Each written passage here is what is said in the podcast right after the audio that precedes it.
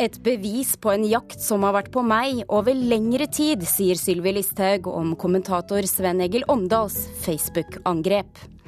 Russelåtprodusenter sensurerte sin egen russelåt etter massiv kritikk. Og hiphopartisten Drake imponerte på Telenor Arena. Mannen er rå, mener vår anmelder, som gir terningkast seks. Velkommen til Kulturnytt, i dag ved Stine Tråholt.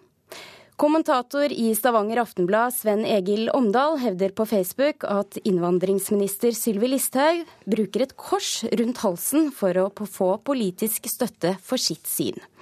Han viser til en tale som hun holdt på kristenkonferansen Oslo Symposium nylig, der hun utenpå sin høyhalsede genser hadde tatt på seg et smykkekors. Og påstanden den har virkelig provosert Sylvi Listhaug.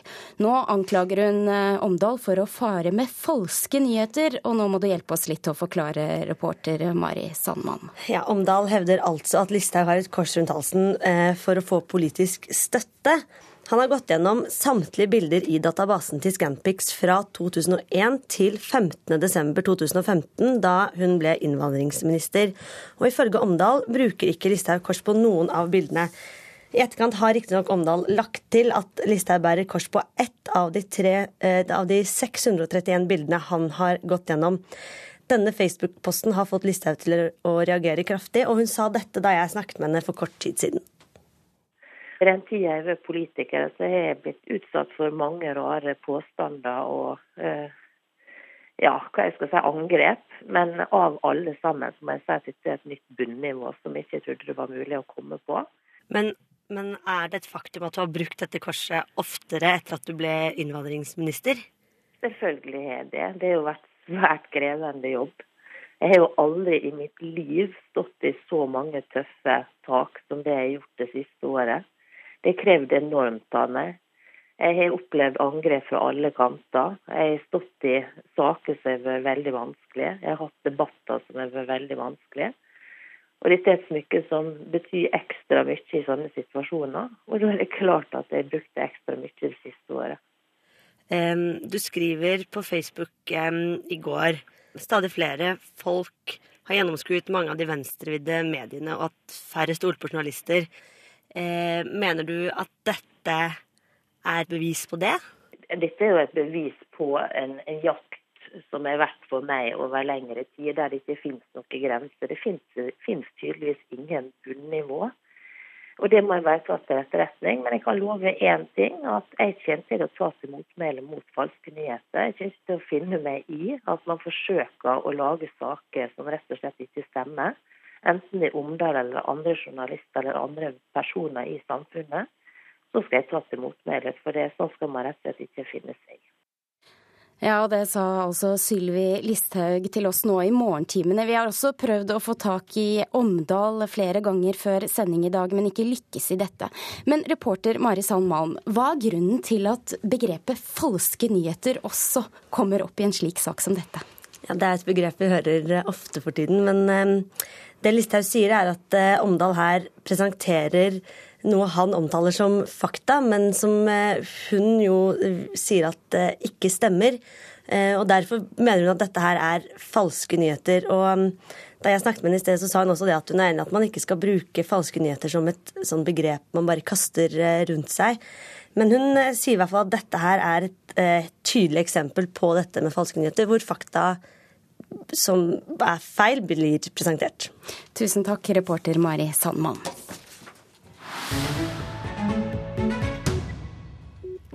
Det har stormet rundt russelåten til bergensrussebussen Playboy i helgen. Innholdet i låta deres sjokkerte både politiet, medieelever og rektor etter at Bergens Tidende laget sak om den.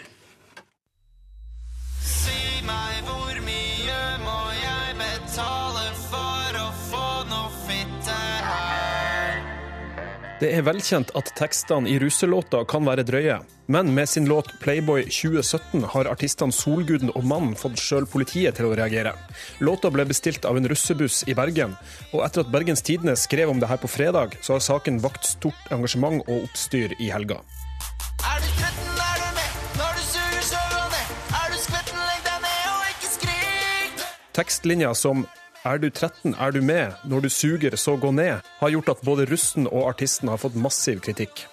Lørdag ble teksten i sangen endra fra 'Er du 13' til 'Er du 17'.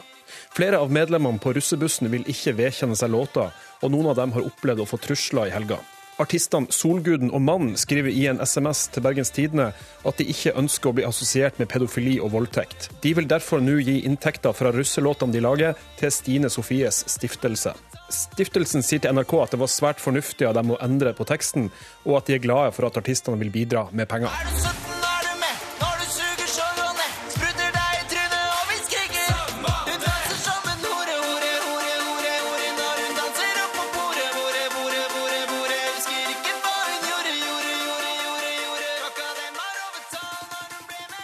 Ja, det var reporter um, Oddvin Aune som hadde laget denne oppsummeringen. Og det er dere som har produsert denne låta, Lasse Hagejordet og Benjamin Strand. Velkommen til Kulturnytt, begge to.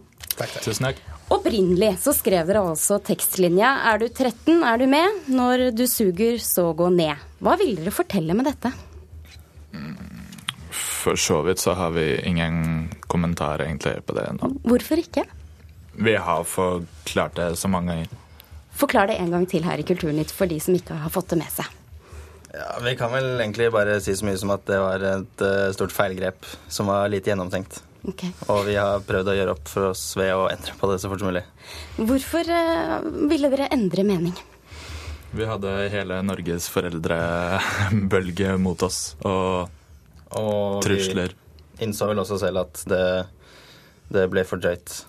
Når vi Litt av greia er at vi kan jo kanskje innrømme at det er ikke så dyp eh, prosess bak eh, å skrive en russelåt, i hvert fall for vår del. Så det er jo litt, litt gjennomtenkt og bare litt nødriming og så etter såpass mye omtale så innså jeg vel kanskje at det var litt for groteskt. Du nevnte her trusler. Hva slags trusler er det kommet? Nei, oppfordring til selvmord og litt sånne ting. Det er ikke noe kult.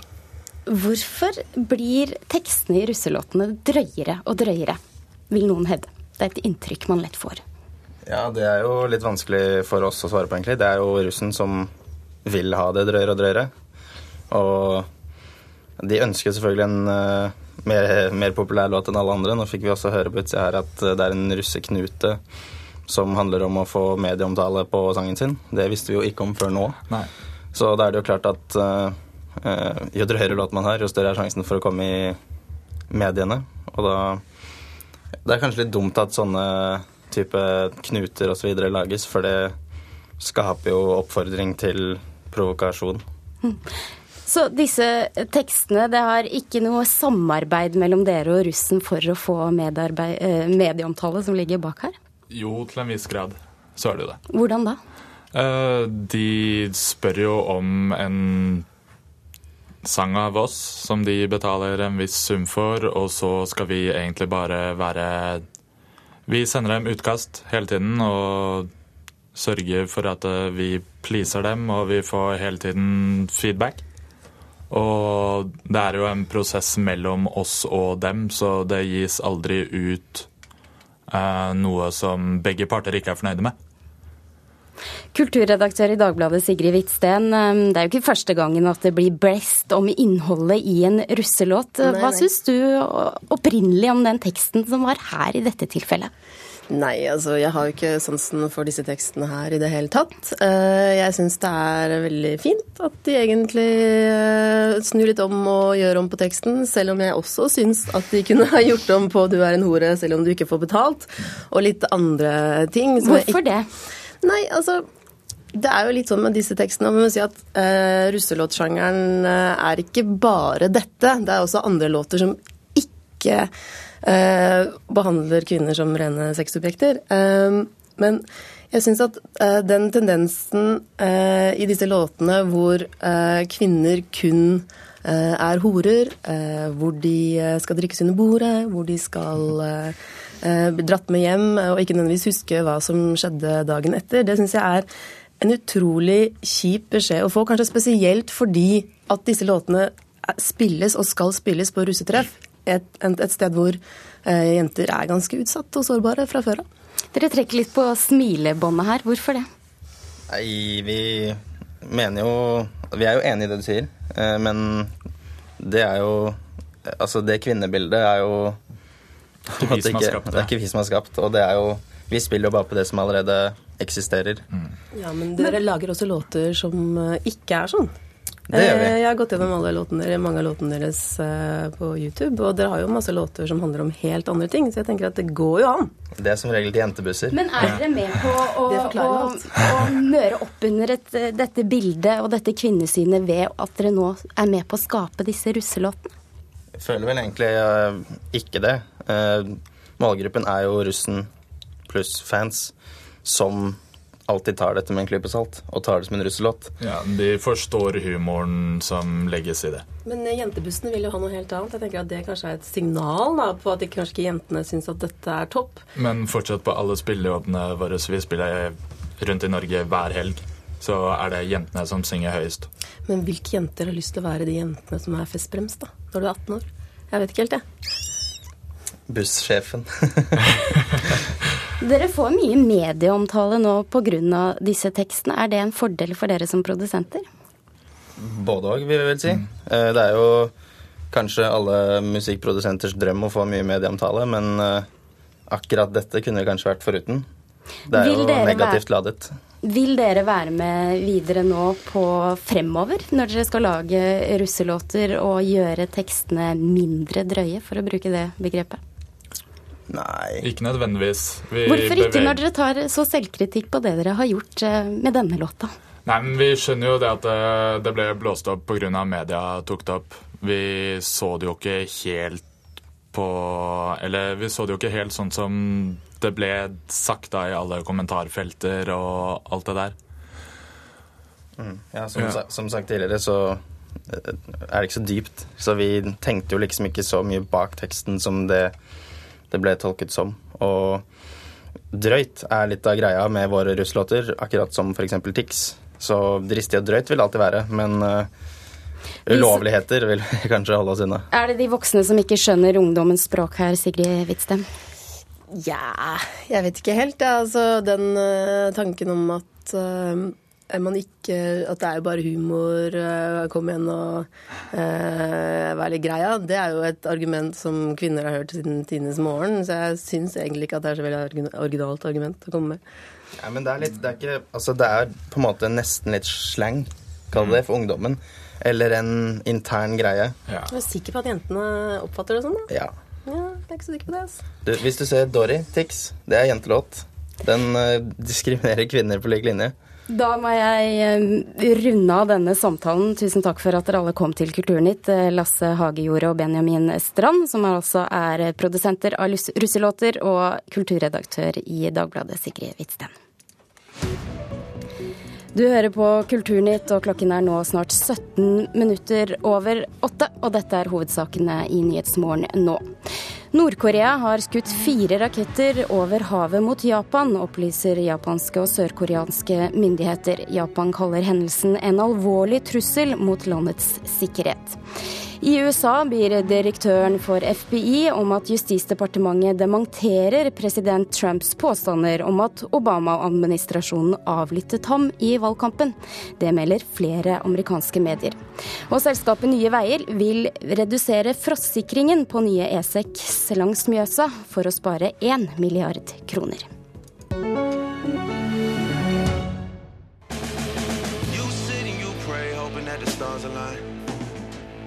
Keep the family close heter låta til en av verdens største artister akkurat nå. Den canadiske hiphopartisten Drake spilte i går for 18 000 publikummere på Telenor Arena. Alice Isongset Agbota anmelder i NRK P3 denne mannen er rå, skriver du i din anmeldelse på p3.no. Yes. Hva var det som gjorde mannen og konserten rå? Du vet hva, Jeg har egentlig aldri vært sånn skikkelig fan av Drake, så når jeg kom på konsertene, så var jeg litt sånn OK, hva kan jeg forvente nå? Men så kom han ut på scenen, og det var ekstremt lysshow, og det var sånne ballonger oppi taket som han lagde forskjellige former. Og han dansa, han sang helt fantastisk. Han er ekstremt flink til å synge. Og så var det kontakten han hadde med publikum som var såpass flott.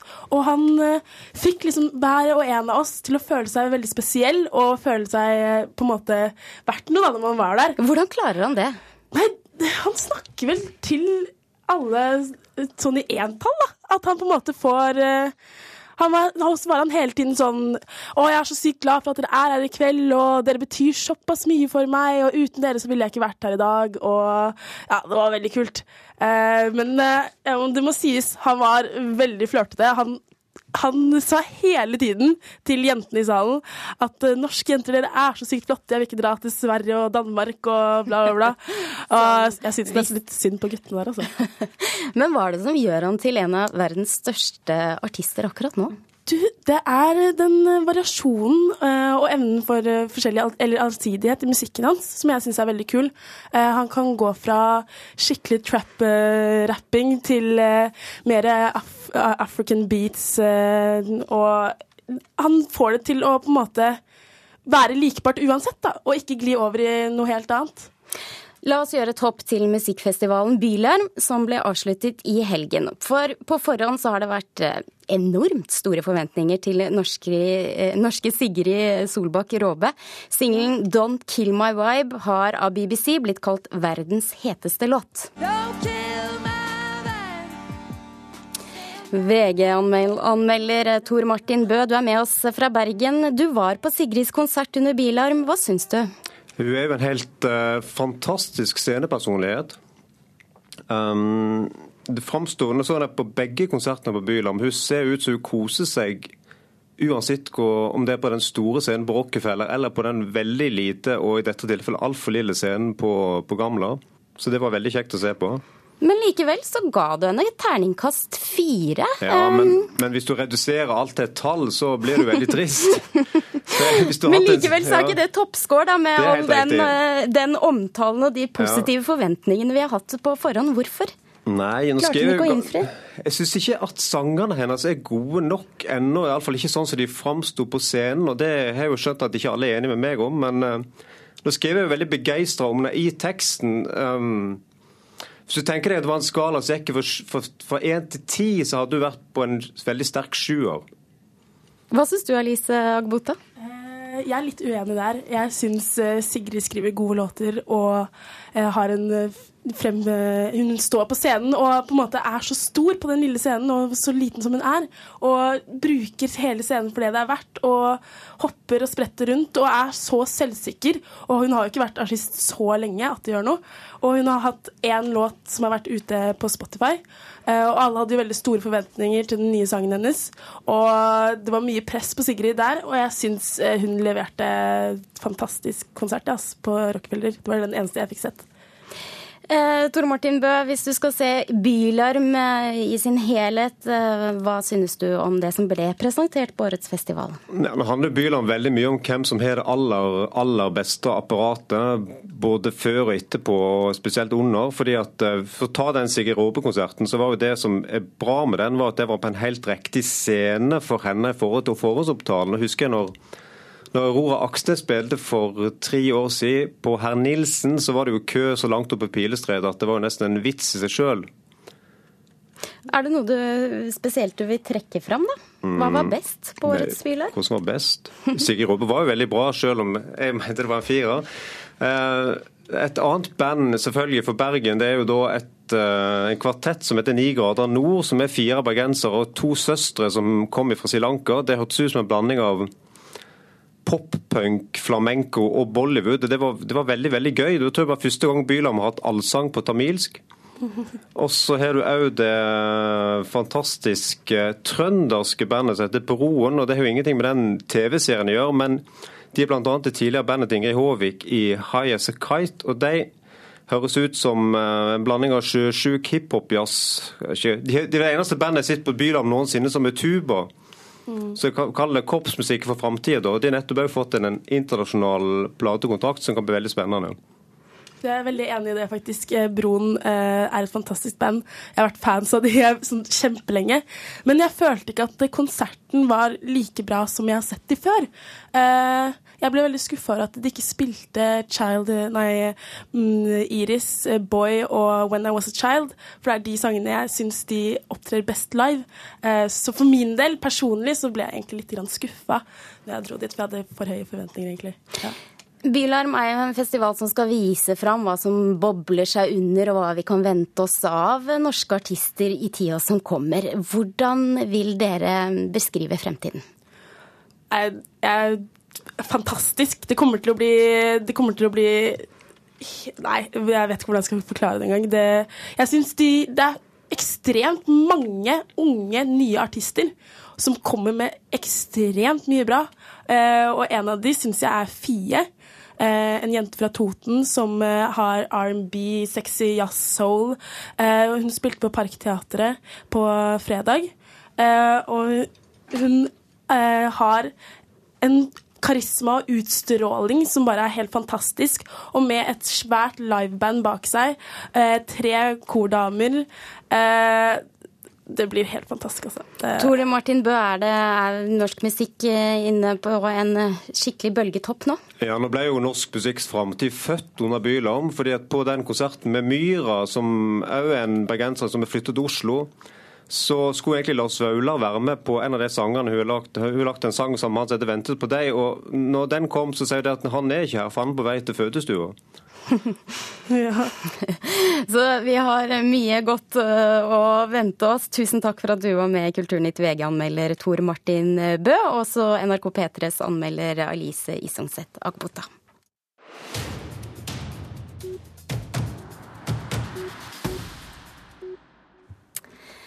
Det er tolv år siden eh, forrige gang teaterlegenden Robert Wilson gjestet Norge og Det Norske Teatret med en sjelsettende iscenesettelse av Per Gynt. Og nå så er han tilbake. Denne gangen så har han givet løs på den eldre Edda. Og vi skal høre et kutt fra forestillingen her. Hvem er den karen? Jeg kjenner deg ikke. Jeg er på vei til Hel for å hente hjem Balder. Alle ting må sørge over ham. Si meg, Volve, vil du sørge over Balder? Sørge? Sørge? Sørge? Hvorfor skal jeg sørge over Balder? Ja, teaterkritiker Karen Frøsland Nystøyl, hva er det vi hørte her?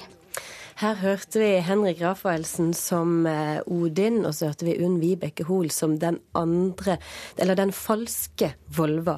Eh, Odin er på vei til Hel. Han vil hente hjem sønnen Balder, som vi jo kjenner fra, fra mytologien, som ble drept av eh, pila fra mistelteinen. Og dette, eh, denne historien om Balders død er på en måte det hele denne forestillinga Edda spinner rundt. Det er kanskje òg en av de historiene vi husker best fra den norrøne gudelæra.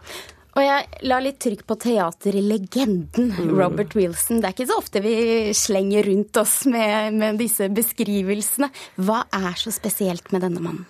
Det er forestillingene han lager. Det er helt ulikt alt annet teater du ser. Eh, her har han jo jobba med Jon Fosse sin, sin sceneversjon av Edda-diktene eh, fra den eldre Edda.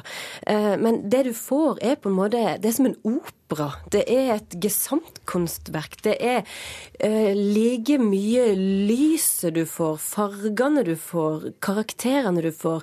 De ser ut De er helt hvite i ansiktet, alle karakterene, og er sminka, så de spiller på en måte mimisk. Det er um, Bruken av lyd kommer etter at det fysiske spillet er på plass. og hver eneste detalj er kontrollert. Altså alt er satt helt til fingerspissene i forestillingene hans. Og det er, det er, en sånn Hva skal jeg si? Det er, det er fylt av lys og farge, og det er minimalistisk og overveldende på en gang. Så det er, det er store teateropplevelser, dette. Men hva med Fosses tekst? Ja, den er nesten borte, faktisk. Eh, Fosse har jo laga sin versjon, men Robert Wilson jobber på en annen måte. Så han har et han skrelte vekk teksten og har jobba over, over, mer enn et år med dette her. Så de har jobba inn et fysisk spill, og de har jobba med farge og alt de skal gjøre. Og så legger de på det de trenger av tekst etterpå. Så det er egentlig bare fragmentet igjen av Fosse sin tekst, og den er, den er musikalitet i seg sjøl, det verket til Fosse, så det bør egentlig leses, for det er i seg sjøl veldig fint. Men er det noen grunn til å være skeptisk til en sånn kunstnerisk frihet? Nei, eh, man, tre, altså, man vet på en måte hva man får med Robert Wilson. Og det du ikke får, det er naturalistisk teater. Her er alt stilisert.